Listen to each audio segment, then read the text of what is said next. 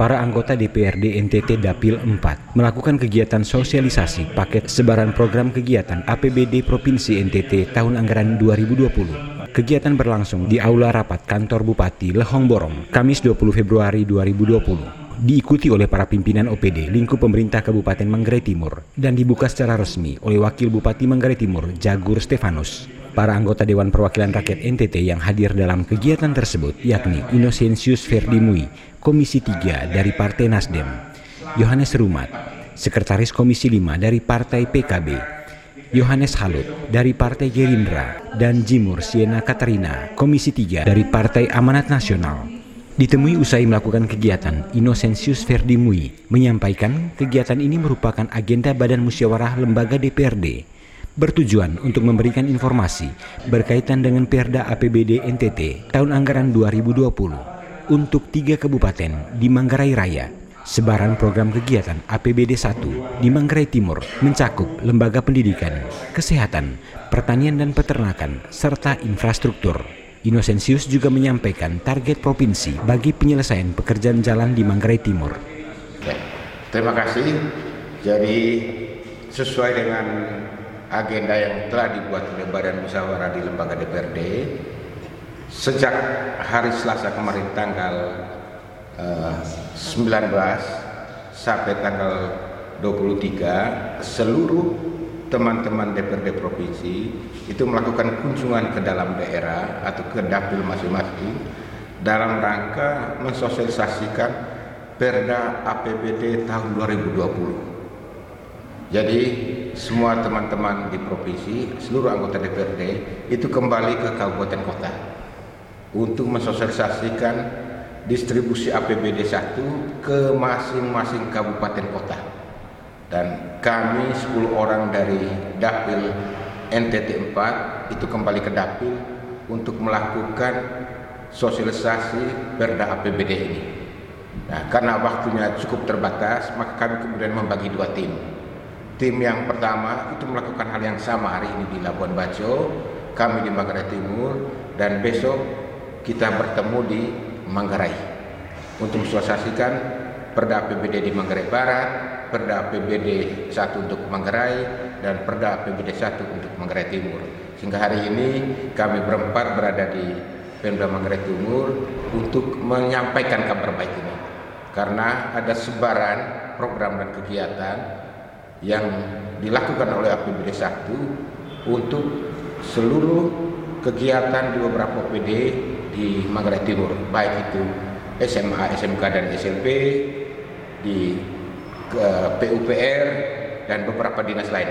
Karena di Manggarai Timur yang cukup menjadi isu adalah soal infrastruktur. Jadi kita untuk Manggarai Timur juga kabar baik karena sesuai target gubernur sampai tahun 2021 seluruh jalan provinsi di Manggarai Timur dan di 22 kabupaten kota seluruhnya itu harus sudah final dengan hotmix sehingga tahun ini adalah tahun pertama tahun 2021 sudah final. Karena kita selain PAD-nya tetap uh, dipertahankan dan dipacu untuk terus bertambah juga kita melakukan pinjaman ke Bank NTT dan pinjaman itu kita bagi dua 450 miliar itu kita pakai di tahun 2000 APBD 2020 450 miliarnya itu nanti akan dipakai di tahun 2021 tapi sifatnya standby loan ini 900 jadi kapan digunakan? Baru dikenakan bunga. Jadi kalau tidak digunakan maka juga tidak dikenakan bunga. Jadi bisa saja nanti kalau PAD kita tahun depan bertambah 450 miliar sisanya mungkin tidak sampai 450 miliar kita pakai Nah, otomatis bunga yang dibebankan ke, ke Pemprov juga tidak sebesar 900 miliar. Nah, saya yakin untuk tahun ini pun itu baru April karena pengerjaan baru mulai di April untuk pengerjaan fisik.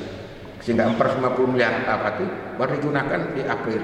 Bahkan Januari Februari kita tidak dikenakan yang namanya bunga bank.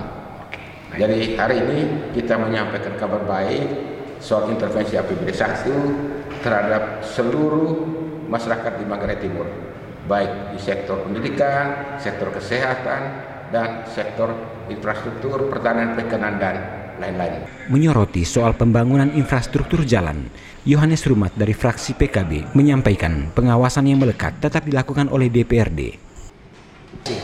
dengan sebaran angka 58 miliar sekian untuk Manggarai Timur eh, yang menonjol tadi infrastruktur jalan dan pendidikan maka tanggung jawab anggota DPR harus pengawasan melekat. Isu yang terkini untuk jalan provinsi bermasalah dalam arti material dasarnya kemudian pengerjaannya eh, terlambat eh, kemudian belum PHO saya kira ini alasan klasik bagi DPR Eh, kalau memang alasan klasik ini menjadi budaya yang akhirnya nanti memberi nilai atau manfaat sengsara untuk rakyat, sebagai ketua DPR kita dorong eh, polisi dan jaksa untuk mengecek kebenaran isu media sosial, isu masyarakat, bukan untuk menyulitkan kontraktor atau pemerintah atau kami sendiri, tapi fungsi pengawasan yang bisa dipertanggungjawabkan. Karena kalau rutinitas kita selama ini beralasan terlambat, lalu nanti uang masih sisa, lalu di PHO, saya kira itu klasik. Kita harus keluar dari situasi itu dengan cara untuk menjera, silakan. Ini urusan hukum. Karena kami DPR pun tidak berada pada posisi ini salah, ini benar. Itu tidak boleh. Kami DPR hanya berada pada posisi dengan membuat pernyataan ini, dorong jaksa, dorong polisi, di sanalah tempatnya untuk menyatakan ini salah dan ini benar. Fungsi pengawasan kami lebih melekat ke situ. Sudah didengar atau tidak dengar menjadi kewajiban. Menjadi kewajiban anggota DPR untuk menyuarakan.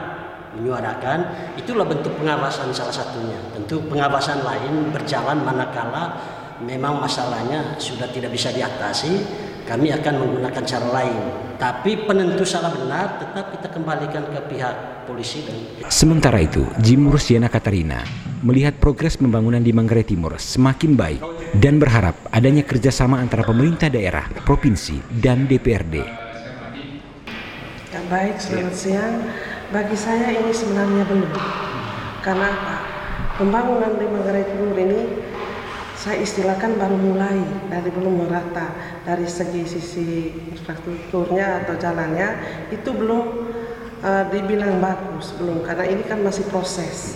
Nah, saya sebagai wanita Manggarai Timur yang jadi anggota DPR tentunya mengharapkan ke depan ini Manggarai Timur lebih bagus dari soal jalan raya, apa, pendidikan, puskesmas dan lain sebagainya itu harus bagus. Semua ini tentu harus ada kerjasama baik dari pemerintah daerah, baik pun di provinsi. Tentu kami sebagai DPR juga, kami akan tetap memantau sesuai dengan tugas kami, yaitu tugas pengawasan kami. Itu harapannya setelah kegiatan sosialisasi ini di Aula Kantor Bupati Manggarai Timur, dengan sangat kami juga meminta bantuan dari pemerintah untuk menyampaikan itu ke sampai struktur yang paling bawah karena terus terang kami juga punya keterbatasan untuk bisa mencapai pada titik-titik itu maka kami minta Pemda Manggarai Timur untuk menyampaikan ini juga sampai ke tingkat kampung untuk menyampaikan bahwa provinsi untuk di tahun 2020 memberikan intervensi untuk beberapa program dan kegiatan. Jadi dengan sangat kami meminta bantuan pemerintah kabupaten untuk, uh, untuk menyampaikan ini ke masyarakat. Sehingga masyarakat juga tahu bahwa ternyata mereka juga mendapat bagian dari kue pembangunan yang di APBD 1 jadi mungkin selama ini mereka hanya tahu yang dari APBD 2 jadi APBD 1 juga itu juga ikut ambil bagian untuk memajukan Manggarai Timur. Maka begitu mereka mengetahui diharapkan mereka juga menjadi bagian yang terpisahkan yang ikut mengawasi dan itu disampaikan baik itu uh, lewat media maupun disampaikan secara langsung ke anggota DPR provinsi atau siapa saja untuk diteruskan ke provinsi sehingga menjadi sebuah informasi yang baik bagi kami untuk menjadi bagian yang tidak terpisahkan dari tugas pengawasan.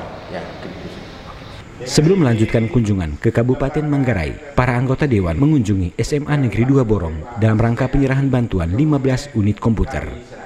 Demikian liputan Manggarai Timur TV.